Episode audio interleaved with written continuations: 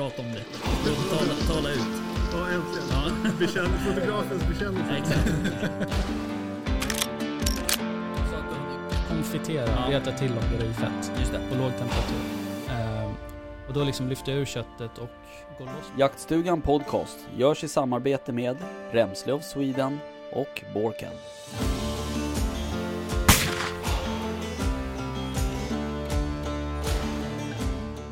Välkommen. Ja, tack, tack, tack. Avsnitt åtta. Tiden går. Ja, verkligen. Du, eh, precis. När vi spelar in det här så släpps ju avsnitt sju imorgon. Där har inte jag koll på. Det har du bättre koll på. Ja, precis. Nej, vi släpper ju varje fredag. Till allmänheten, så att säga. Till Patreon släpper vi ju lite tidigare. Yes. Ja, hur är läget? Det är bra, det är bra. Mm. Det är, ja, jag vet inte vad man säger. Det är ju mycket, hösten känns som en sån här, samtidigt som det är den bästa perioden. För att Mm. alla jakter börjar Mm. och det börjar bli lite sådär ruggigt ute så man kan vara inne, tända lite ljus och ja, mysa med familjen. Så är det samtidigt också en ganska hektisk period med jakt, Mm. jobb. Ja, Mm. det, är, det är mycket som ska göras på något sätt så här, Ja, innan det drar igång. Liksom. Ja, precis. Men nu är det ju, eh, nu är det ju lite igång, så att säga. Ja, Ehm, det är och- underbart. Ja, vi ska prata lite mer om det där eh, om en stund. Ja.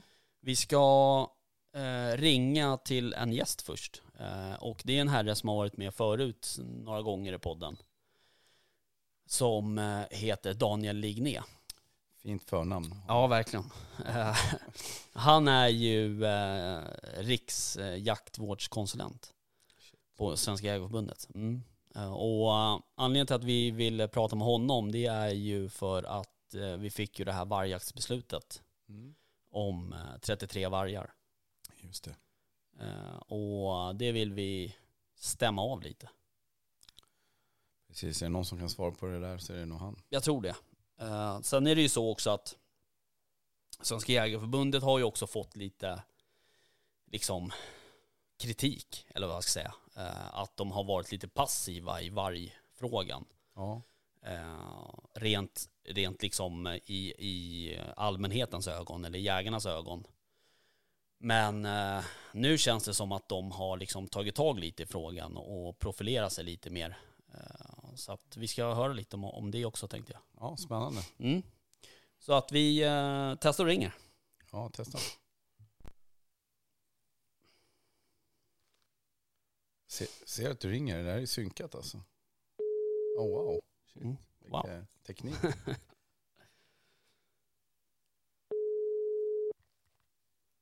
Daniel, Tjena Daniel, det var Rickard och Nille här från Jaktstugan Podcast. tjena. Tjena, hur är läget? Jag är på topp faktiskt. Ja, du, eh, verkar som att det sprakar lite. Har du mottagning? Jag ska ha mottagning. Jag försöker sätta mig vid fönstret här så ser vi om det blir bättre. Ja. Tycker det låter lite bättre nu faktiskt. Mm. Mm. Ja.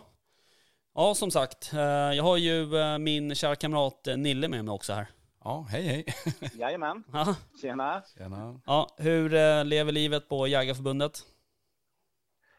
Ja, det går sin gilla gång. Vi är väl mest förbannade över vargjaktsbeslutet. Kan man väl sammanfatta det. Ja, okej. Ja, jo, jag förstår det. Det var ju lite därför vi ringde faktiskt. Ja, Eh, du, eh, det, här beslutet kom ju här för någon, någon vecka sedan. Eh, och eh, då beslutades det ju om att det skulle skjutas 33 vargar. Och det där var väl fördelat över sex stycken län då, varav ett län vi skulle dela med, med Norge. Om jag förstod det hela rätt. precis. Det är Men- helt rätt. Men, men liksom, ja för det första, vad, vad liksom, hur reagerar ni på Jägarförbundet på det där? Alltså, det, det här är ju ett, ett eh, ganska ödesdigert beslut tror jag. För att eh, nu går tåget. Ja. Eh, Jag tror vi skulle ha behövt skjuta minst 100 vargar i vinter för att, att hålla vargstammen stången eller hålla den i schack om man säger så. Eh, Nu tror jag det kommer att skena. Jag tror att det kommer att dyka upp en hel del nya vargrevir i södra och mellersta Sverige. Jag tror man kommer att få jätteproblem uppe i renskötselområdet. Mm.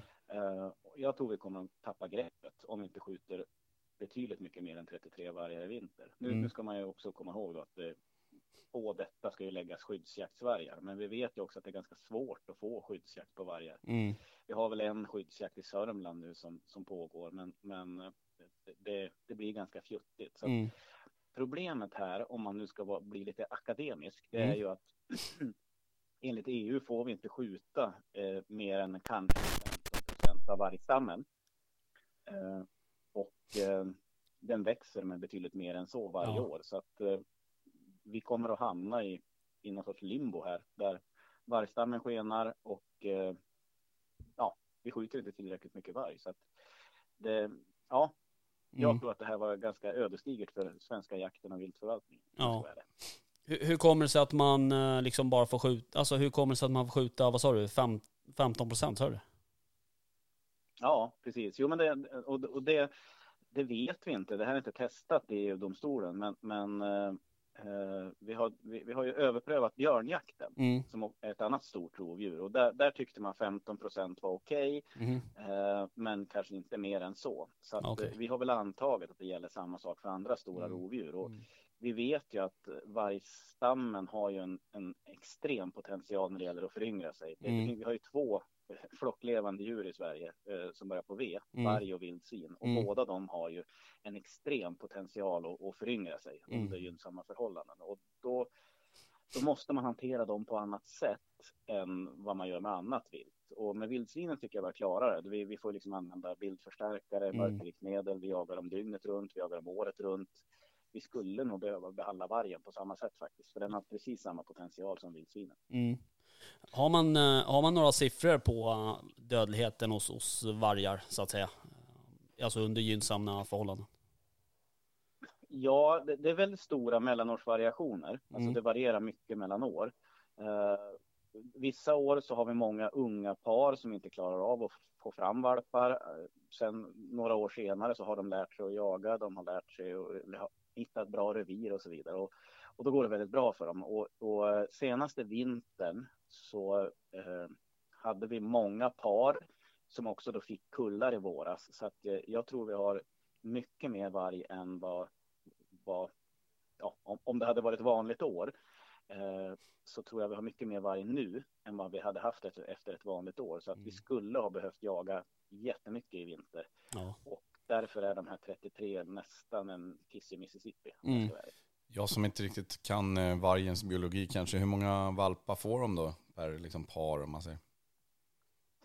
Fem, sex stycken. Eh, sen, sen är det, Det är ju så att, att rätt många går ju tomma. Alltså valparna dör av någon anledning eller de får inte valpar Mm. eh, och så vidare. Så att eh, det är långt ifrån alla par, alla revir som får valpar. Men eh, vissa år så lyckas många samtidigt och jag tror det, det var ett sånt år i år, i våras. Okej. Så Ja, då blir det eh, kraftig ökning. som sagt, vi, vi skulle ha behövt skjuta 100, nu blev det 33 och jag tror att eh, eh, om, om, vi, om, om vi poddar om 10 år eller 15 år så Mm. kommer vi nog att se på 2021 som året då det gick snett. Ja, okej. Ehm, ja, men du, vargstammen i Sverige, den liksom, jag tänker på välmående och sådär, och sett kopplat till föryngringar, och, men, men den är väl ganska välmående i, i Sverige, vargstammen? Jajamän, och, och man, man, man har ju diskuterat genetik i många, Ja. många, många år. Att det den skulle vara inavlad och så vidare. Men, men vi ser ju att vi får med jämna mellanrum invandrare från Finland, Ryssland. Så att, eh, jag tror inte genetiken är något problem, utan problemet nu är att få folk att, att orka leva med varg Mm. egentligen. Eh, Och, och där får ju vi ganska nedslående eh, rapporter nu ifrån från de som som lever med varg. Att, alltså, man, man har tappat tron på förvaltningen. När det blev 33 och inte minst 100 så ja, det är någon sorts handslag mellan landsbygdsbefolkningen och, och, och riksdag, regering och de som bestämmer i Stockholm. Mm. Och det handslaget känns inte som att det gäller längre. Nej. Alltså det, ja. Nej, precis. Men sen också och, och, och få till den här... Jag, jag tror att det blir ödesdigert. Ja, ja, jag förstår. Eh, den här, och sen få till den här jakten också måste ju också vara en, en utmaning eh, när man liksom inte får, eh, man har liksom ingen, ingen rimlig chans att nå det målet man vill. Då ska, men ändå ska man ut och, och liksom försöka göra någon halvhjärtad eh, jakt på något sätt.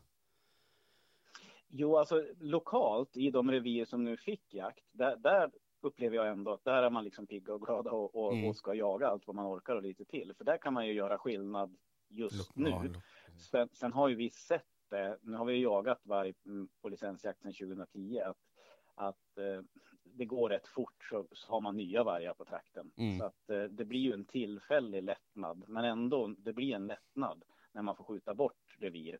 Och, och det kan väl vara en liten, liten, liten ljusglimt vid horisonten att, att eh, förra vinterns licensjakt så såg vi rätt tydligt att, att i de revir där man hade vargar kvar när man hade skjutit sin tilldelning så fick man extra tilldelning. Mm. Eh, Så att man kan väl hoppas att det kommer att kunna skjutas något mer än 33 i alla fall, men, men inte jättemånga. Men just i de områdena så, så jag har pratat med flera eh, företrädare för de områdena och de, de, är, de är taggade och de, de vill ha vår hjälp att planera jakten. Och nu Mm. har vi ju jagat varg sedan 2010 och vi har några riktigt kusligt duktiga vargjägare Mm. med riktigt bra hundar också. Eh, och de försöker vi ju liksom lotsa in i de här områdena och det har vi ju sett på tidigare licensjakt att det, det är inte skitsvårt att jaga varg. Nej. Vet man vad man sysslar med, har lapptyg, eh, bra hundar så, så går det rätt fort att skjuta varg. Så att eh, den här kvoten på 33 den kommer att fyllas på några dagar Mm. tror jag. Och sen kommer vi förhoppningsvis att få lite extra tilldelning i alla fall så att man kan skjuta några till. Mm. Vad, ehm, liksom, vad ska jag säga, vad, hur, hur, tar de, hur kommer de fram till den här siffran? 33, vad grundar sig det beslutet i? man har ju då gett ett uppdrag till en massa forskare att räkna på olika scenarier och det svåra med vargarna och det är lite samma med vildsvinen. Vi har ju de här två flockdjuren som börjar på V, varg och vildsvin. Att det är stora mellanårsvariationer. Med vildsvinen beror det mycket på när vi har ollonår Mm. till exempel. Så, så, och då blir det ju en jäkla sprutt året efter. Och det, det är lite samma med vargarna. Att vi, vissa år ökar stammen med, med 12-15 procent och andra med 20-22 procent. Så det, Okej. det, det är stora mellanårsvariationer och då har forskarna räknat på det här och sen har man då lämnat över det underlaget till Naturvårdsverket som då har lämnat det till länsstyrelserna. Mm. Och problemet här, och det är det stora problemet i all förvaltning av stora rovdjur, det är att man, man tar liksom på sig både hängslen Mm. och livrem och dubbelt av båda. Mm. Man vill verkligen inte komma nära lägsta nivån. Ja, okej. Eh, Och det är därför så blir man då överförsiktiga. Och det ser vi nu när det gäller björnarna i Sverige till exempel. Att vi har ju fått en våldsam björntilldelning i höst.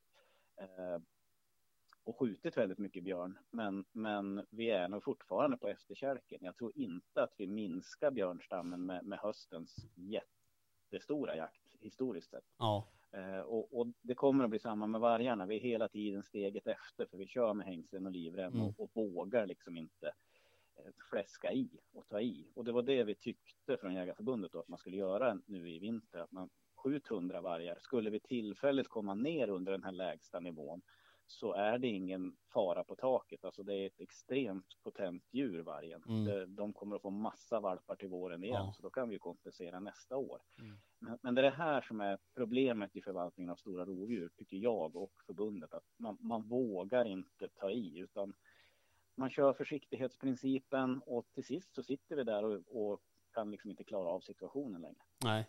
Är det, det, är det samma liksom, eh, är det samma problem som, som hände med, med det här riksdagsbeslutet eh, från 2013? Alltså det finns ju ett beslut om att vi ska ha ett spann mellan 170 och 270 vargar. Precis, och, och det, det, det är väl kanske det som, som retar mig mest och som kan få mig lite högröd i ansiktet och, och sova dåligt på nätterna. Att vi har ju faktiskt vårt högsta beslutande organ i Ja. Sverige, om man nu ska vara lite demokratisk. Mm. det är ju riksdagen och de har sagt 170 till 270. Sen, sen har ju Naturvårdsverket lite grann kidnappat det beslutet Mm. eh, och sagt 300 och i verkligheten så ligger vi betydligt högre än Ja. så. Så att eh, det retar mig lite grann att, att eh, vi, vi har bestämt oss för en nivå som, som jag tycker är för hög, men, men jag skulle kunna leva med den tillfälligt i alla fall. Mm. Men vi ligger betydligt högre än så för man har liksom kidnappat det och, och med hängslen och livrem återigen då Ja. överkompenserat och varit överförsiktiga och så, så sitter vi där nu med, med betydligt fler vargar än så. Mm. Och det, det retar mig lite grann att, att enskilda tjänstemän och ett enskilt verk, i det här fallet av Naturvårdsverket, lite grann kan, kan lira bort politikerna och de vi faktiskt har valt att styra det här landet. Och det, det ja, ska man, ska man liksom ta på sig den stora demokratihatten så tycker jag det är för jävligt. Ja. Svenska. Ja, det, är ju, det, är ju, det är ju, måste ju ses som väldigt udda på något sätt. Och sen blir det här konstiga liksom att de som beslutar det här, de bor ju inte, gissar jag, i alla fall i, på landsbygden och drabbas liksom av det här. Utan eh, de som bor där man har mycket varg och blir drabbade, de, ja. Mm. Ja, för det har också varit en aspekt i hela, i hela debatten egentligen, om att det liksom inte finns någon lokal förankring i, i Mm. besluten. Nej, precis. Och det, och det här tror jag, alltså om, om jag hade varit vargvärnare, vilket jag absolut inte är, så hade jag varit lika förbannad som, som jag är. För att, eh, alltså, titta, jag har jobbat med viltförvaltning i väldigt många delar av världen. Eh, och, och tittar vi på tigrar i Indien, eh, lejon i Afrika, vargar i Nordamerika, vargar i Ryssland, vad det nu än är, ska du bevara ett stort rovdjur som konkurrerar med människan och som faktiskt också kan vara farlig för människan, då bygger hela bevarandet egentligen på acceptans. Ja, Man måste, man, man kanske inte behöver vara överlycklig och stå och hoppa jämfota på torget eh, över att man har det här stora rovdjuret i sin närhet, men man måste ändå acceptera det Någon slags eh, för att kunna bevara det långsiktigt. Ja. Och, och tar vi nu tigrar i Indien eller lejon i Afrika så jobbar man ju med, med kompensation. Alltså ortsbefolkningen får väldigt mycket pengar för att hysa de här Ja. stora rovdjuren. Eh, och, och tittar man i Sverige på de områden som nu har varg så är ortsbefolkningen väldigt, väldigt negativ till varg. mm. Och eh, på lång sikt så tror inte jag att vi kommer att, att klara av att bevara vargen om man nu vill det. Men det vill väl ändå staten Sverige ännu. Mm. Eh, Men, men börjar man inte bygga acceptans, börjar man inte bygga ett förtroende hos ortsbefolkningen på att de kan liksom få påverka sin situation, då, då kommer vargarna på sikt att försvinna. Det är liksom ingen hemlighet. Det, det finns inget exempel på där man liksom kunnat tvinga på ortsbefolkningen stora rovdjur under en längre tid. Det Nej. kan gå under en period och den perioden är vi antagligen mitt i just nu. Men ja. men vi gör ju med jämna mellanrum attitydundersökningar där vi tittar på vad tycker ortsbefolkningen om varg. Och tittar vi på områdena där vi, där vi har varje dag så är en bred, bred majoritet av ortsbefolkningen för att utrota vargen. ja. Så att eh, det är en ganska allvarlig situation för Mm. vargen. Eh, det går bra för dem just nu, men, men återigen om vi sätter oss ner och poddar om tio år så är jag inte säker på att vi har så mycket varg i det här landet då. Nej. Nej, precis. Eh, En, eh, en liten annan fråga kanske, det är bara hur, hur gör man liksom en korrekt inventering? Hur går den till och hur säker är den liksom när man bestämmer hur många vargar det finns i Sverige till exempel? Jag frågar Jo, men den tror jag ändå. Alltså det, den är ju ofta misstrodd och att den manipuleras och så vidare. Men, men, men där tror jag ändå att vi, vi ligger rätt nära sanningen. Eh, och det beror ju på ny DNA-teknik. Vi samlar ju vargskit Mm. helt enkelt.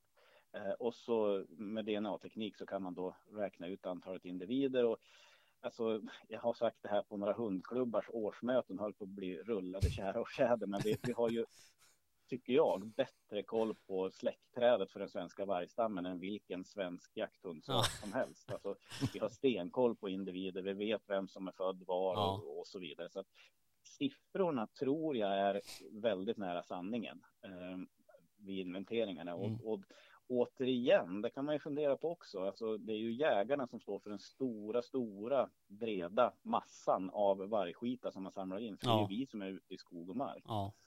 Eh, Så att eh, ut, utan jägarnas goda vilja skulle vi tappa greppet om inventeringen också. Men hittills så, så har vi nog varit ganska duktiga på att samla vargskit och jag tror att de, de siffror vi har är rätt nära sanningen. Mm. Sen hur man behandlar de siffrorna, hur man räknar då fram det här eh, 33 vargar och, och hängslen och livrem och så vidare. Det är ju där felen sker Ja. eh, och man är överdrivet försiktig. Men, men grundsiffrorna tror jag är ganska rätt. Ja, okej. Men det är bara, alltså det, det är en- enbart via mm, spillningsinventering så att säga. Det är inga, inga spårinventering på, på nysnö och sånt som sker. Nej, det, det är ganska lite sånt numera. Sen, sen får vi en del hjälp av åtelkameror, jägarnas åtelkameror, Mm. eh, där man kan se vad, vad det för, förekommer varg och så vidare. Och, och sen försöker vi också hjälpa Länsstyrelsens naturbevakare att, att kvalitetssäkra föryngringar och, och, och samla skit. Men, men för tio år sedan var vi ju helt beroende av snö. Mm. Nu har vi fått glida både när det gäller, när det gäller björn, varg och även lo mot att, att jobba med DNA-teknik och det beror ju på att eh, både vargen och lodjuret och björnen sprider sig söderut där vi har sämre snöförhållanden så det går inte att inventera på snö och björnarna sover ju dessutom på vintern. Mhm. Så att eh, där tycker jag ändå vi har hängt med och, och varit duktiga på att och, vad ska jag säga, ställa om till, till DNA-inventering via Okej. spillning. Mm. Men du, eh, det här beslutet om 33 vargar, tror du att det kommer att överklagas av någon eller? Det kan inte överklagas. Nej, det kan inte Eh, överklagas. Vi, vi har vänt på varenda juridisk sten, ska jag säga, men det är inte överklagningsbart. Okej. Eh, Så att det ligger där det ligger. Eh, Är det något nytt eh, eller så att säga? För att tidigare år så har det ju liksom, ja det har ju överklagats och de har liksom sådär eh, bett att, att jakten ska avstanna i väntan på beslut och sådär. Det har ju någon Ja, ord som inhibition och sånt där. Ja, just Ja, det. Jo, alltså att det kommer att försöka överklagas av, av eh, vargvärnarorganisationer, det, det kan vi nog utgå ifrån. Mm. Men, men vi som jägarförbund kan inte överklaga det här. Ja, okej. Utan det vi kan göra, och det kommer vi att jobba med, det är ju att, att söka om ytterligare vargar i de revir då som, som eh, vi vet att, att det finns fler vargar i än, än eh, den tilldelning som finns. Så, så det är väl den möjlighet vi har liksom på kort sikt att få skjuta fler vargar. Det är att verkligen kunna visa Länsstyrelsen att det är fler vargar i det här reviret och då får de utöka tilldelningen. Och det tyckte jag ändå var ett litet fall framåt senaste vargjakten vi hade. Att, att eh, tittar vi i Gävleborg till exempel i Andå-reviret där, där fick vi skjuta ganska många fler vargar och sen fick vi också skyddsjakt på ytterligare en par vargar i det reviret. Mm. det var ju väldigt många vargar i det reviret, men, men vi sköt nog nästan alla i alla Mm. fall. Så att, eh, det är väl, det är väl liksom på kort sikt den, den möjlighet vi har att, att, att verkligen kunna visa naturbevakare och länsstyrelsen att det är mer varg i det här reviret. Vi måste få skjuta fler. Och Jag tänker du nämner det där. ganska framgångsrikt under några år, att man, man, man liksom kryddar upp grundtilldelning med ytterligare några vargar. Ja, okej. Jag tänkte bara fråga också en eh, okunskap här. När du nämner tilldelning och sen så nämner du skyddsjakt här. Liksom. Jag tänker hur, eh, vad, hur liksom når man fram och kan man få ett beslut på skyddsjakt på varg? Liksom? Jag tänker det är säkert många Ja, som alltså blir det- det- utsatta liksom. Det Med, har ju varit svårt. Eh, Det, det, det jag tycker har blivit mycket bättre sista året, eller åren, kanske två år vi pratar om här, det är ju att tidigare var det helt omöjligt att få skyddsjakt bara för att vargar betedde sig olämpligt. Just det. Alltså att de var oskygga, sprang in i byarna, käkade katter eh, och så vidare. Utan man måste då ha ett, ett antal vargangrepp på jakthundar till exempel. Och, och det blir ju baklås i systemet. För när du har haft ett eller två vargangrepp på hundar, vad gör vi jägare då? Ja, inte släpper vi ju hundar i det reviret. Då, då får ju de ligga hemma på sofflocket. Mm. Så vi fick aldrig några skyddsjakter då för, för ja, när en eller två hundar hade blivit angripna så, så slutade jägarna jaga med hund. Mm. det är väl ingen Eh, som blir offrad. Och det Liksom, tolkade man då från myndigheterna som att ja, men då har, då har liksom problemet upphört, Mm. vilket det absolut inte hade gjort. Det vi har sett nu senaste åren, det är att man, man kan få skyddsjakt på vargar med oönskat beteende också. Att, att de är oskygga, rör sig i, i tätbebyggda områden eller inne på gårdar och så vidare. Så att det har blivit lite lättare att få skyddsjakt. Sen, sen måste ju enskilda personer söka om skyddsjakt. Vi som jägarförbund kan inte söka om skyddsjakt, utan det måste vara en person som har ett problem. Mm. Men vi hjälper ju väldigt gärna till med att skriva ansökan och vi vet nog ganska väl också hur man skriver den för att ha framgång. Så att där tycker jag man ska vända sig till Jägarförbundet om man om man tycker sig ha fog för skyddsjakt så ska vi göra allt vad vi kan för att hjälpa till att skriva en ansökan. Mm. mm. All right. Du, eh, det var ju inte bara Svenska Jägareförbundet som var lite upprörda över den här, eh, de här 33 eh, vargarna. Jag läste ju någonstans att Kennon Kennel Club också var lite upprörda. Ja, det- det är väl också det, lite- Det tror jag är liksom den långsiktiga vägen till framgång. Ja. Alltså, vi, vi kan liksom inte stånga oss blodiga eh, var, var, vart och ett intresse för sig, utan Kennelklubben slöt upp, alla jakthundklubbarna slöt upp, Mm. LRF, alltså Just det. Bondeförbundet höll jag på säga, Mm. eh, slöt upp, eh, Jordägarförbundet, Fåravelsförbundet, Samerna Ja. också med i matchen. Så att det är nog rätt många nu som har fått nog, Mm. upplever jag. Och, och jag vet inte, i, i, ibland måste det gå i diket innan man kan få liksom riktigt styr på, på en Mm. fråga också. Jag, jag upplever att vi är nog där nu, att nej men nu jäklar, nu Mm. är det lite grann nog. Eh, det är upp också upplever väldigt tydligt just nu det är att vi har fått ett antal vargrevir i, i södra Sverige. Vi har ju faktiskt Ja. vargrevir nere i Skåne, Mm.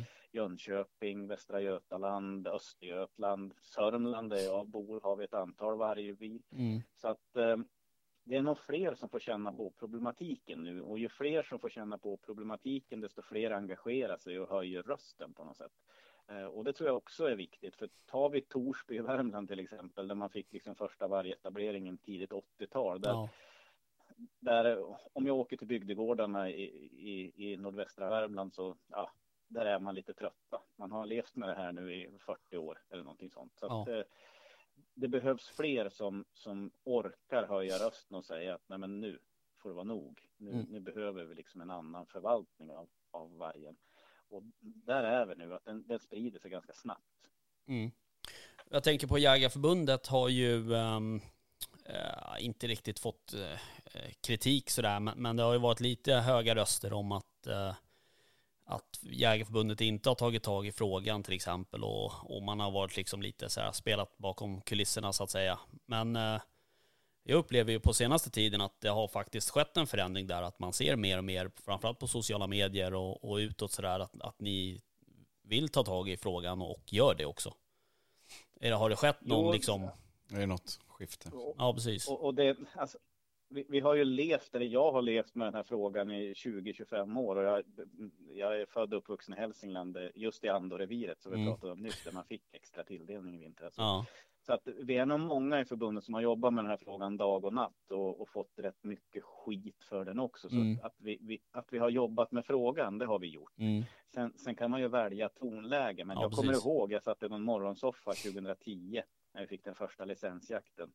Eh, Jag fick 168 mordhot på en Ja. vecka. Jag fick ta mina barn ur skolan den vårterminen, eh, för det fanns en sån hotbild enligt Säpo mot mig. Så att, vi har nog jobbat med varje fråga. Jag kan stå ganska rak i ryggen Mm. tycker jag och säga att vi, vi, vi har jobbat med frågan. Sen kan man ju jobba på olika sätt och, och nu tror jag vi har växlat upp en växel till på grund av att, ja, det vi har pratat om nu, att, att vi är lite oroliga att nu, nu går tåget. Det här Mm. kommer gå åt pipan om vi inte skjuter mycket mer varg. Så att vi har höjt rösten, det har vi gjort och jag är jätteglad över att de här andra organisationerna har slutit upp bakom. Det känns som att vi börjar bli eh, ganska många nu som slår näven i bordet. mm, Eh, och eh, mitt hopp står väl väldigt mycket till nästa år. Vi har ju ett riksdagsval då. just det. Eh, Vi har en valrörelse och där kommer vi att fokusera stenhårt, ställa varenda parti mot väggen Mm. och verkligen tvinga dem att, att ha en uppfattning om hur ska vi förvalta varg i framtiden.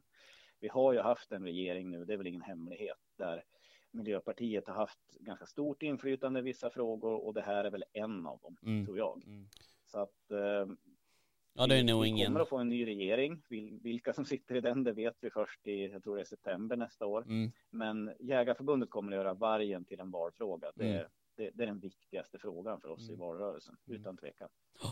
Det, som, det man slås av när man bara lyssnar, jag är inte så kunnig på området här, men det är just som du sa där, att, att hur någon liksom kan kidnappa den här frågan, om det nu är Naturvårdsverket, hur de kan, om det finns ett beslut att man liksom kan frångå det och göra lite som man, ja, som, man, som jag uppfattar det, lite så som man känner för det. Liksom. Det, det blir man lite, ja, det, det känns märkligt på något sätt bara.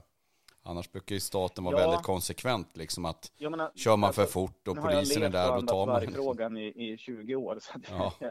Jag, är ju jag är liksom upp över öronen insyltad. Men, men ibland kan man ju ändå liksom ta steget åt sidan eh, och, och ställa sig lite utanför och titta på frågan. Och, och nu, nu är jag jätteinsatt i just den här frågan, men, Mm. men jag blir ju på ren svenska förbannad Mm. som medborgare Mm. och, och ja, röstberättigad. Och, och jag menar, jag har, jag har röstat fram en regering och en riksdag som har tagit beslut och sen tar en myndighet och springer iväg och gör någonting annat. Ja, det låter märkligt Det- liksom.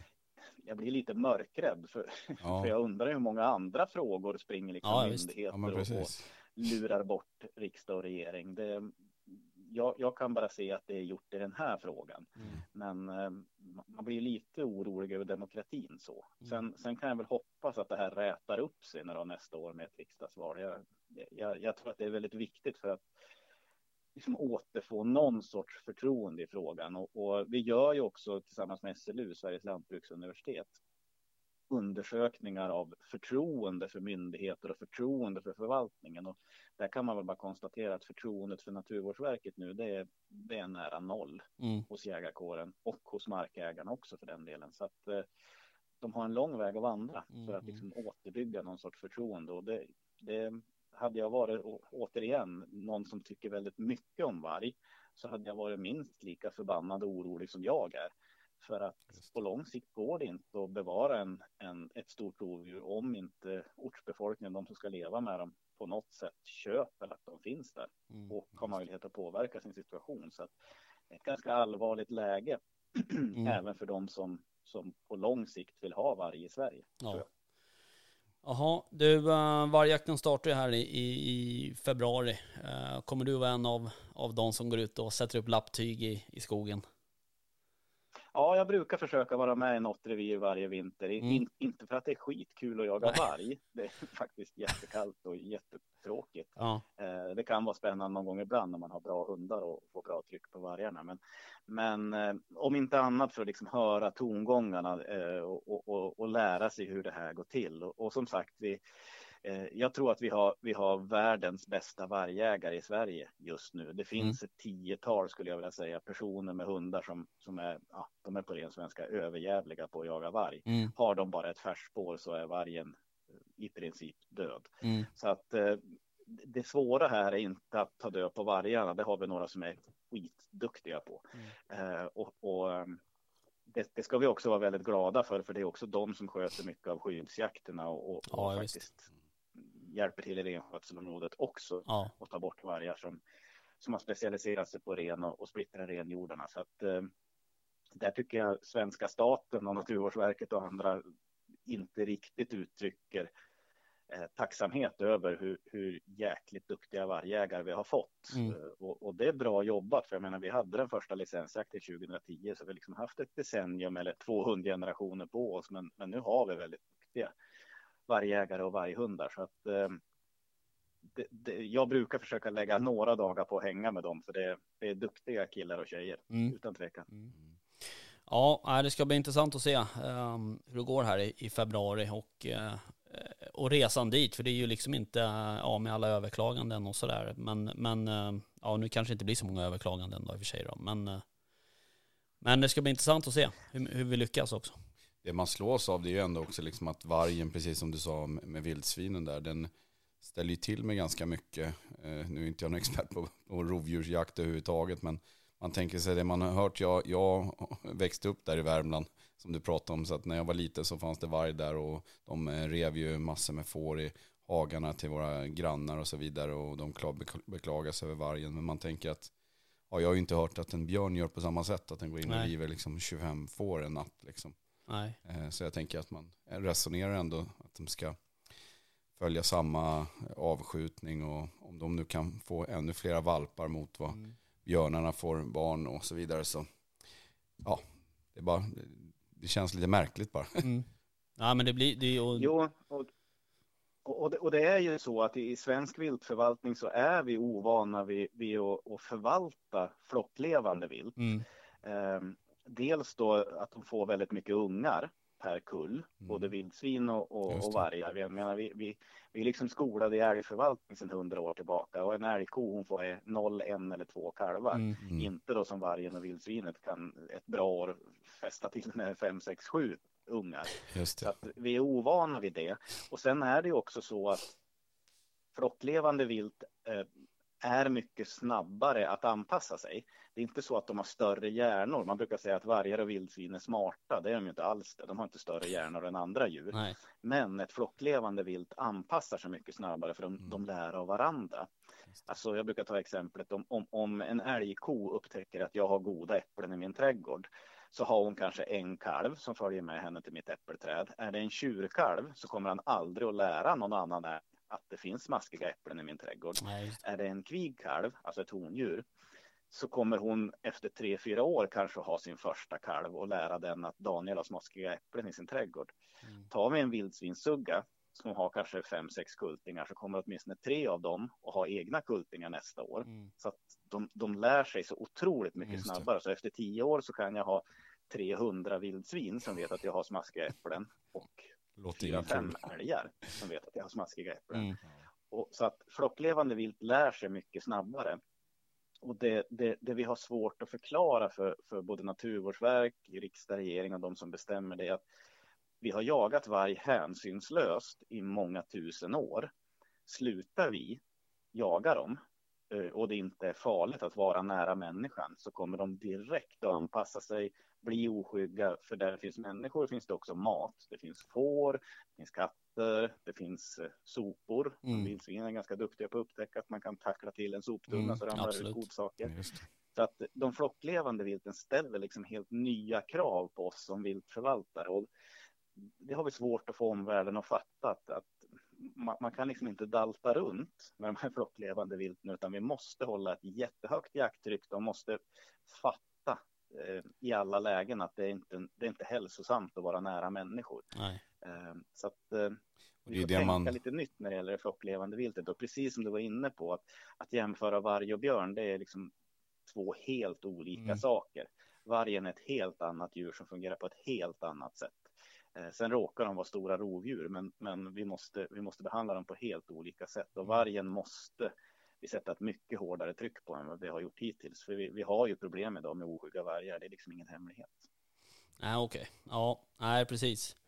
Um, ja, okej Daniel. Vi ehm, får tacka för att du eh, tog dig tid att vara med här eh, på kvällskvisten. ja verkligen, Jajamän, intressant. som alltid trevligt. Ja, ja supertrevligt. Eh, så eh, får vi väl anledning att höras av här i februari igen då kanske. Jajamensan, och Ja. hoppas att det har ökat något från 33 i alla fall. Ja, precis. Exakt. Ja, nej men du, eh, tack för ikväll då så får du ha det så bra. Detsamma grabbar. Ja, ha det bra. Tack, tack. Hej. Hej. All right. Fan, Det var jag, det. Jag är okunnig känner jag. Jag har dålig koll på det här. När man sitter med och lyssnar på sånt där proffs, han bara, Ja, men han har ju extremt eh, mycket kunskap. men bara den här liksom förklaringen med, med liksom eh, hur eh, älgkon här käkar Mm. äpplen Mm. kontra vildsvinen Mm. och så här. För mig vart det så här, ja jävlar. Ja, det stämmer ju. Det stämmer ju, men, men han sa det på ett väldigt bra sätt. Liksom. Ja, han är superbra. Eh, och eh, han är ju bra på att förklara krångliga saker. Så att eh, alla kan förstå så att säga. Men man blir ändå så här, det, ja, jag ska inte dra ut på det, men jag bara blir ändå så här märkligt att om man nu, som man säger, att liksom några enskilda tjänstemän har kidnappat med frågan så tänker jag liksom att alla andra instanser i samhället på något vis, där gör man fel då, då finns det alltid någon annan instans på något sätt som kan säga app, app, app, här gjorde ni fel, Ja, nu blir det böter eller nu Mm. gör vi rätt liksom. Och nu känns det som att nej, Nej. Nu, nu kör vi eget race ja. här. Nej, det, är, det, är, Eller hur? ja, det är skitkonstigt. Ja, Ja, och jag jag- fattar inte varför. Återigen ska jag säga att jag har inte koll på exakt hur det är med det här. Men, men just att eh, så som han beskriver det så låter det helt sinnessjukt. Ja, nej, det är superkonstigt. Och det är liksom, eh, det, det är ju inget litet spann heller. Alltså om vi nu har en, om man säger att vi, vi, en kvalificerad gissning är ju ändå att vi har någonstans vid mellan 450-500 vargar. Och spannet då därifrån ner till 170 till 270, det är rätt mycket. det är det, är rätt många vargar. Så att, eh, nej det, det är märkligt. Och sen är det, men det är mycket nog det där att jag tror det, det är väl som vanligt att eh, det måste drabba en själv för att man ska tycka att det är ett problem. Ja, men lite så. länge det liksom inte bor man någonstans inne i Stockholms, eh, ja, någonstans i kvarteren där och inte har varg som är något problem där, då, då, ja, då är det en icke-fråga. Nej, liksom, lite egentligen, så. lite grann. Det är klart att man tänker att ja, men alla djur ska finnas i det vilda. Mm. Men eh, det är ju Ja, någon ja. annan som bor i det vilda kanske inte tycker det är lika kul. Nej, och jag menar någonstans är väl också så här, ja det är klart, det är ju grundinställningen eh, kanske hos de flesta jägare att det ska, alla djur ska få finnas. Mm. Men, men problemet som jag personligen också känner med, med vargen, det är just det så här att vi får inte förvalta den. Alltså att få en tilldelning på 33 vargar när det finns 500 stycken, det är ju liksom, det är ju som Daniel säger, det är ju en, det är en piss i havet. Det är ju det som är, det är det som man blir upprörd över, att, att man inte, jägarna får liksom ansvar för att förvalta allt annat vilt vi har, Mm. förutom vargen. Ja, för mig är det obegripligt. Ja, märkligt. Jag förstår faktiskt inte. Nej. Nej, så vi får väl se vad som händer. Men eh, det vore ju kul att hänga på någon ut faktiskt. Jag har aldrig testat vargjakt såklart, det är ju inte så jättemånga som har det. Men eh, det vore jävligt häftigt att se hur det går till. Framförallt eh, om man har ett litet eh, liksom hundintresse så att säga. Mm. Men eh, ja. Precis. Du, eh, apropå hund. Jag har inte köpt någon hund. Har du inte? Nej. Nej okej. Nej jag bara... Det som låter där ute är nog min son. Ja, Nej, jag. Nej jag tänkte på um, drevjaktsäsongen har ju startat. ja. Hur eh, jagade du eh, i helgen? Ja, jag... Eh, precis, det gjorde jag. Jag varit eh, inbjuden av en eh, gemensam bekant till oss. Och, eh, så jag var ute i norra, eller norra, men i Roslagen här faktiskt, på Mm. Vätö.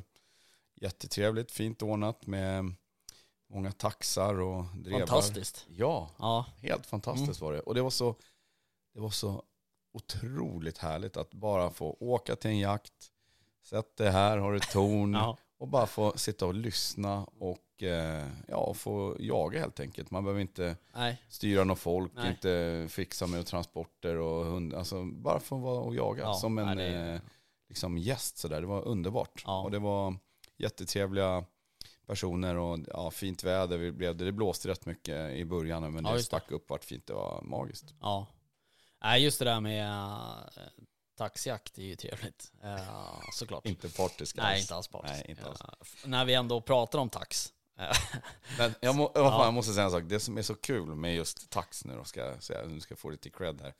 Det var ju det att jag satt i ett torn, jag ska berätta om en jaktsekvens här, Mm, men så kom det. det ett torn och då ska jag faktiskt säga så här att det var sagt att vi får skjuta allt här. Så därför så var det så att det, det drevs runt, runt, runt. Sen kommer det ut ett, ja, vad man skulle kunna kalla ett stänkur då, som ställde sig framför mig och står liksom och betar fint där. det är sant. Det är helt sant. Så att där kan man ju se Då verkligen. hade du drev som gick runt, runt. Ja, Ja. men de, en bit ifrån. Man Ja, men du hörde man, ändå. Ja, man Ja. hörde dem i alla fall. Då. Och, eh, så att där kan man se verkligen att eh, det är liksom, eh, ja, att de blir inte så Nej. stressade liksom. Nej. Och det är som min eh, så, yngsta son här, Hugo, brukar säga att eh, djuren ska ju inte springa så fort. De blir stressade, då blir köttet sämre. Mm, Liksom. precis. De ska komma lugnt och Mm. fint. Jo men så är det ju. Och där har du ju en, en sån situation, det är ju faktiskt ett kvitto på att det där är rådjur som stod där och beta. Ja, Den här geten eller vad det var. ja. Eh, Smaldjur typ. Ja, smådjur. Hon eh, har ju stenkoll på att det är inte hon som har hunden efter sig. Nej. För de bet oftast, eh, jag tror aldrig jag har sett ett rådjur beta under ett pågående drev så att säga. Utan, Ja, nej, nej. men, men, äh, det- det- Det liksom, var en liten bit ifrån dem. ja. Och, och, däremot så ser man ju rådjur som, som kommer, som är, som är drivna, som stannar upp och lyssnar efter hunden. eh, Och väntar in en, någon minut så här innan de sticker igen då så att säga. Men eh, det där är ju fantastiskt att se att, att just det är så. Ja, alltså det var så, ja, det var kanon. Sen, eh, ja precis, sen har jag faktiskt inte varit iväg på någon mera hundjakt. Jag har varit ute och försökt på någon vildsvin som jäckade mig Mm. På ett ställe i Uppsala här igår. Men Okej. eh, det var istället var det sju rådjur ute. Det var Ja. någon sån här rådjurskväll. Det var rådjur precis överallt. Ja, otroligt. Ja, de är vackra och fina men Och goda. ja det är de också. Men eh, ja, inga vildsvin. Nej, jag förstår, jag förstår. Men eh, okej, så det var, det vart en drevjakt då helgen? Sköt Ja. något? Ja, jag sköt faktiskt två, två stycken rådjur. Sköt. Mm. Så det var lyckat. De, Ja. var, de var nog glada tror jag. Ja, kul. Ja, det var kul. Mm. Ja, Jag var, ehm, jag var ute med, ehm, ja, med både Kasper och Alfons. Okej, har du börjat? Eh, Ja, jag släppte Kasper eh, i lördags och eh, han, det tog ju en liten stund. Jag, jag upplever så här, han kopplade direkt att det var jakt liksom. Jag upplever att, att han, vad ska jag säga, han liksom skärpte till sig på något sätt. Förstår du? Alltså han var, han var inte sådär, eh, för vanligtvis när man går så här, man kan, när man kan gå i koppel med honom, så, så kan han vara så här lite, flänga lite runt och, och tugga på lite, Leker lite, ja men liksom. lite sådär lekaktig fortfarande. Eh, Men nu när jag satte på honom västen eh, och kopplet, då var det direkt sådär att då gick han ju direkt med nosen i vädret och sådär.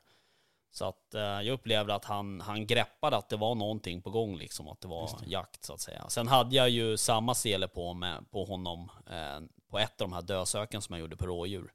Så han kopplade väl det kanske till. Men i alla fall så släppte jag honom eh, och så gick vi igenom ett litet skogsparti. Och sen kom vi fram till ett, eh, ett hygge, så två, två, tre års hygge kanske, två års hygge. Ja. Och eh, han söker ut ganska, ganska bra liksom. Han ligger i alla fall, eh, han låg i alla fall en 50-60, ibland 70 meter ifrån mig sådär. Okej. Eh, och kom och tittade till mig lite då och då och sådär. Och, och jag stod ganska högt upp så han direkt egentligen med att han bara gick upp så såg han mig så att säga. Att han gick upp på någon liten sten och sådär. Han känner sig lite trygg. Ja, så han hade lite koll liksom. Sen rätt vad det är så började han ju eh, med något typ av växtskall. Och eh, ja, och Kul. då gick det kanske, ja, han höll väl på med det där någon minuter i alla fall och, och gick fram och tillbaka och ringade och så här. Man märkte, jag såg ju liksom, när jag inte såg honom rent visuellt så såg jag honom på pejlen. På WeHunt-pejlen då, då. Och um, man såg att han liksom, han hade verkligen någonting i näsan. Spännande. Sen så, um, sen drog han eh, tvärs över det hygget och typ ja, skogskanten och på andra sidan hygget, där gick han över till drevskall. Och det var, det var så här tydligt att han gick Okej. över till drevskall. Vad Eh, coolt. ja, det var fantastiskt. Um, och då skickade jag faktiskt WeHunt-koden till min uppfödare Kristoffer. Ja. Eh, och så skrev jag det så här, vill du se Kasper på, på pejlen så Ja. kan du skriva in den här koden. Och ehm, ja, så fick jag något svar där att han var, någon tumme upp och så här glad gubbe liksom. Ja. Eh, så kom jag på det bara, fan, man kan ju ringa till WeHunt-pejlen eh, och lyssna på hunden. Så jag skickade telefonnumret till honom också. Mm. Eh, så han ringde och lyssnade på Kasper när han hade sitt första drev. Ja. Så det var jävligt kul. Eh, men jag vet inte vad det var han drev. Jag tror att det var rådjur. Jag tyckte det såg ut så på spåren sen, men det var så jävla mycket spår där överallt. Så att, men det jag kunde utgöra på löpan så var det nog rådjur. Och det där gick ganska rakt ut ifrån det här hygget och sen krokade det liksom tillbaks. Så jag trodde faktiskt ett litet tag att jag skulle få det i knät. Det har ju Eh, varit otroligt. Ja, så jag stod ju där redo liksom. Och, uh, så, så, så hela den här, liksom, eh, hela den här eh, upplevelsen, den innehöll liksom allting. Alltså upptag, drev och sen lite även att det liksom ja. bukta tillbaks och så här. Eh, så det var ju fantastiskt. Men sen så, ja, så gick en, bit innan det kom ut på hygget igen då så att säga, så då stannade han. Eh, och då verkar det som att han tappade bort sig. Jag tror att det går något dike där eller något sånt. Så att eh, han liksom tappade väl, de gjorde väl ett språng där över säkert. Ja. För jag tror att han hade ganska bra kontakt med djuret eh, när han gick över på drevskall. Jag tror att vi stötte dem när vi gick ut på hygget. Mm. Och att de gick och ställde sig i skogskanten. Och sen, ja, och sen tog han upp spåret och då gick han över på drevskall när han fick färsk vittring då i skogskanten. Sen hör han väl att han inte kanske är så Nej. snabb och så Precis, vidare. Nej, precis. Och, men, men faktiskt så, jag har ju hört honom driva en gång tidigare, det var väl inte riktigt helt hundra, för det var ju hemma på gården. Men, men eh, ja, då var det ju väldigt sådär pipigt. Eh, Ja, Det var det inte nu. Utan nu var det, det var till och med så att min eh, polare Linus hörde honom och han stod ju ett par hundra meter bort. Okej. Så, eh, så det var väldigt bra skall. Men eh, då tappade han i alla fall eh, löpan där och sen så då började han ringa. Och sen gick han tillbaks, eh, typ halva löpan. Sen vände han och gick tillbaks till tappet igen. Och försökte ringa igen då, ungefär som att, ja, fan jag var inte riktigt klar, det var någonting som var liksom sådär. Men sen så var han där på tappet och hittade liksom inga utspår och då, då började han gå tillbaks i bakspår. Och när han hade passerat den här vändpunkten där han vände, eh, då eh, började jag ropa på honom. Då kanske han var, jag vet inte vad han var, 200 meter kanske ifrån. Då började jag ropa och vissla och tjo och tjimma och sådär. Och då, då gick han ju hela vägen tillbaks till, till mig i bakspår och då kopplade jag honom. Så att det, det kan inte bli bättre än så. Det brukar kanske inte vara så lätt att kalla tillbaka en tax som är på, på nosen i backen. Nej. På något vilt direkt. Det brukar vara att man får ta sig på någon Ja, löpa och Precis, och stå som en hockeymålvakt. Ja. Ja, lite så. Eh, och det problemet har jag med Alfons. Men, eh, men här är det så här att, alltså, att Kasper, eh, att han inte skulle driva med skall, det är jag liksom inte orolig för. För det är så, köper du liksom en tax ifrån jaktlinjer med, med liksom, ja, med rätt förutsättningar, då driver de. Det sitter så djupt genetiskt rotat i dem liksom. Men eh, det som är den stora grejen man måste jobba med, det är ju dels eh, att få dem att, komma tillbaks, alltså gå på löpan tillbaks då, eller bakspår. Eh, men sen även ha den här kontakten med, med föraren liksom. Just det. Ja men det låter ju som en, som ett optimalt första tillfälle Ja, låter det som. Verkligen. Eller hur? Ja, ja super, jag är supernöjd. Och, uh, så det, var- det, var, det är bara att köra på. Så nu, eh, sen på söndagen så, då var jag här hemma på, på hemmamarken eh, och släppte. Eh, för det första så försov jag mig.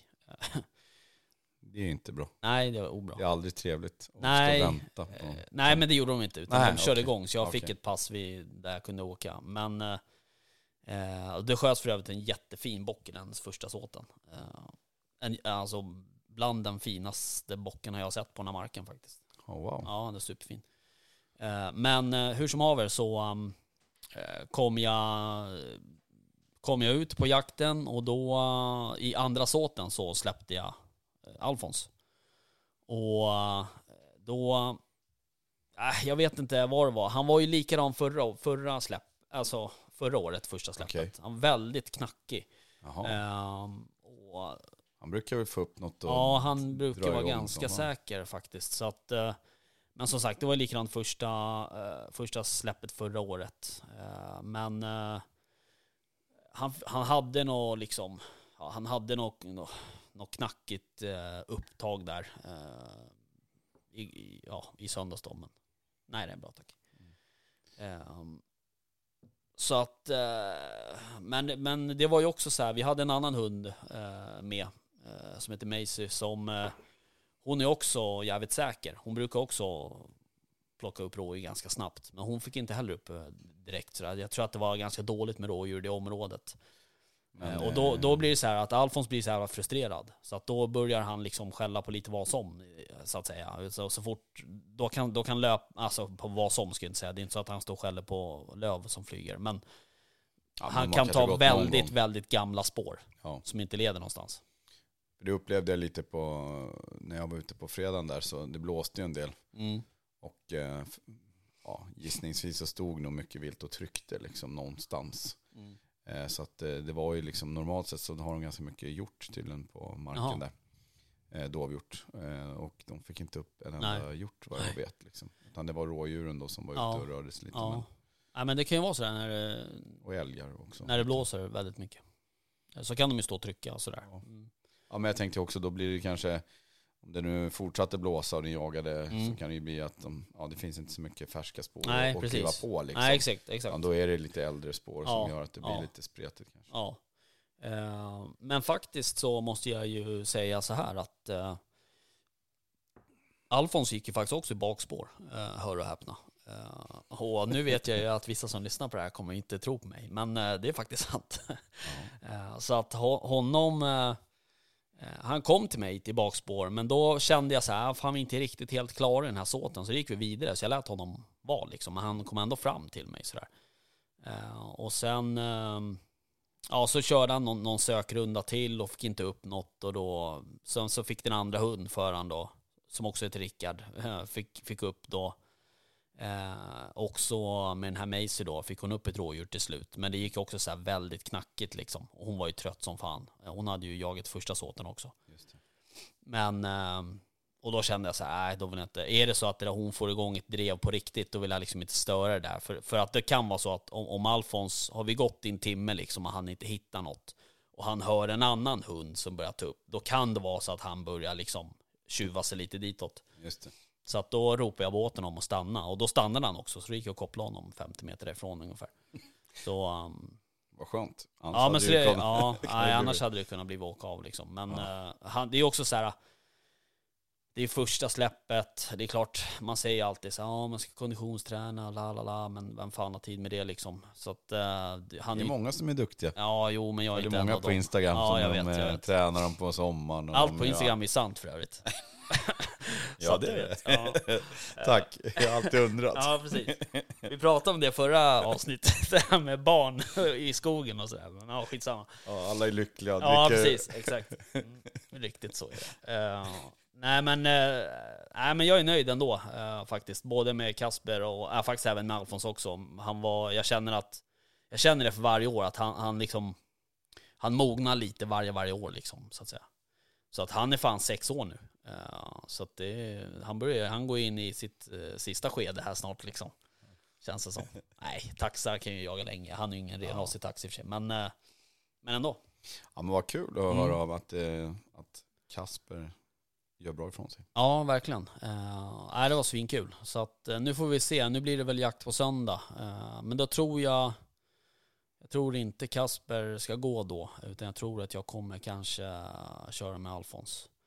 Eh, och då ska jag faktiskt... eh, eh, då ska jag faktiskt jaga med två stycken killar som precis har tagit jägarexamen. Ja, vad kul. Som jag testar det här mentorår Just det. konceptet på. Ja, vad kul. Så de ska, vi ska träffas på fredag på skjutbiografen på Varpsund och skjuta lite. Mm. Och um, sen så på söndagen så ska jag ta med dem ut på en första drevjakt. Ja, vad spännande. Mm, det blir kul. Jag tror det, jag tror det där är en jättebra koncept det där. Det är nog bra för, är man, eh, om det är lite som West pratade om med sitt, eh, jag kommer inte ihåg vad det hette, med det här eh, liksom att en fadder, Mm, precis. jag tror att det är nyttigt liksom. Det är nog, om man inte har jakt i familjen eller och, och har vad ska man säga, goda förebilder och, och så vidare som man kan få lära sig mycket av så Mm. är det ju nog en otroligt bra Mm. liksom säga, väg att gå. Mm. Ja, jag tror det också. För att eh, har man, eh, säg att man tar sin jägarexamen, man kanske går en intensiv kurs eller en vanlig kurs. Och sen har, är man marklös och går man med ett jaktlag. Det kan ju dröja ganska länge innan man liksom Mm. får, vad ska man säga, en utveckling Ja, i sin visst. jakt. Att, att vara på en jakt och gå och sitta på ett pass eh, en hel säsong kanske och inte få så mycket tips och tricks Nej. och diskussion runt. Det ja, Nej men så är det ju. Det, det är ju liksom, det är, egentligen är det ju inte själva jakten som är det väsentliga. Alltså i det här upplägget. Utan det är ju snarare det att du ska liksom, ja men få hänga med och, och liksom känna av känslan lite på något sätt. Eh, och, och, och se hur andra gör. För det är så, det är ju så man lär sig. Sen klart, sen lär man sig av sina misstag också. Men de, de kommer så småningom ändå så att säga. ja, Eh, men, eh, nej, men jag, har, jag har de här två killarna. eh, superbra killar. Och, ehm, men det finns faktiskt plats för eh, en eller två till. Så är det någon som skulle vara intresserad och vara nyutexaminerad eller ha tagit examen för fem år sedan och inte jagat en dag sedan dess så eh, är det bara att höra av sig. Mm. Så, eh, så kan man, kanske man kan styra upp något. Du, eh, för övrigt så, um, West, eh, han sköt ju faktiskt ett vildsvin igår. Mm. Ja. Eh, det var kul. Han eh, var ju ute och det var också så här, eh, det var precis som du berättade där att eh, när du var ute och du såg eh, älgar och Mm. rådjur. Han såg också en grupp vildsvin då som han ja, klippte en där i gruppen. Eh, men sen hade han tre älgar ute på samma fält Ja. som rådjuren, då. eller som eh, vildsvinen. Så det var kul. Ja, men det är kul. Jag tycker också, dels eh, om man nu ska prata om annat så är det otroligt vackra fina färger ute just nu. När man är ute så är det ju liksom, löven börjar bli röda. Vissa år så blir det ju så jävla snabbt kallt och Ja. då faller ju bara löven av. Men Ja. nu har det liksom börjat, så att nu har man den här fina liksom när man är ute i naturen, i både röda löv, gula löv Mm. och sen ändå lite grönt så här. Det är otroligt vackert. Mm. Jag tycker också att man bör kunna se nu att det kommer ut lite älgar som går och betar, lite rådjuren kommer ut. Ja. Det är väl liksom det sista, sista grönbetet Mm. liksom på något sätt nu innan det börjar frysa på och det blir svårare för dem att skaffa mat. Så det är, det är en ganska fin period att vad säga, observera vilt Mm. faktiskt. Ja, verkligen. Verkligen. Um, ja, ja, men du, eh, blir det någon jakt för dig i helgen då? Man kan säga så här att hela helgen kommer att handla om jakt. Jag ska faktiskt upp i morgon bitti och eh, följa med en eh, god vän och jaga i ja, blir det, Norduppland. Mm. älgjakt, deras älgpremiär. Ska Mm. jag få vara med på. Jättetrevligt. Jag är grymt tacksam. Ska bli trevligt.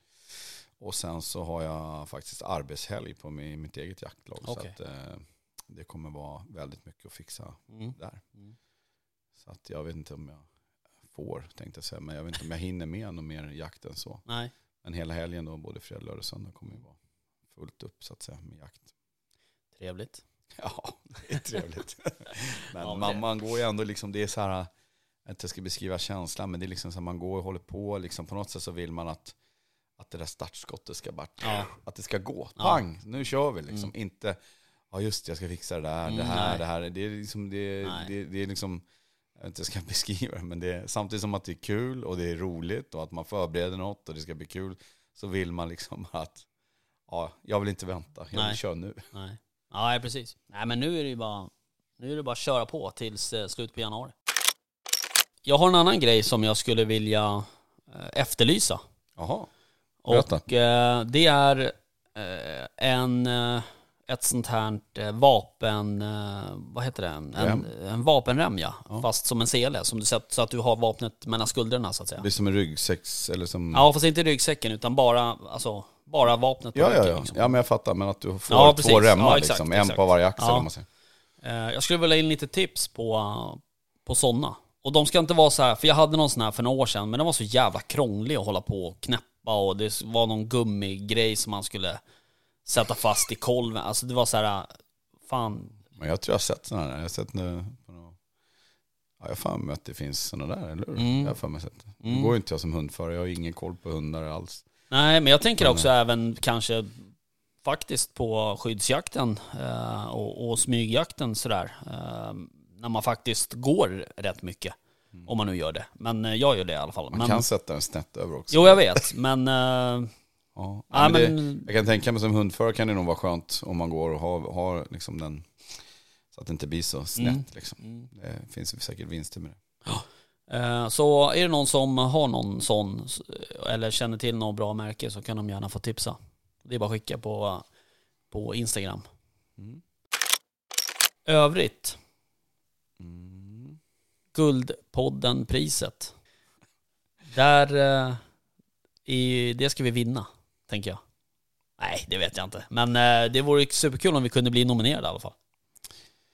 Hur gick det förra året? Ja, vi vart ju nominerade förra året och i den kategorin som vi var med i, då var det någon, eh, någon typ av, Annan podd? ja alltså om det var Bajen-podden eller något liknande. Okej. Jag kommer inte ihåg, men, men det var någon annan podd som vann i alla fall. Eh, och då har jag för mig att, på, att den hette Sport och fritid. Eh, nu heter den ju Hobby och fritid. Det kanske är, Nu har de nu Bättre. separerat eh, sport. jag tänker sport poddarna. det kan ju ha Fast å andra sidan, jag tror att de som vann den här Bajen-podden, de fick inte, alltså, nu, jag, jag fick, tror att de fick typ 3000 röster.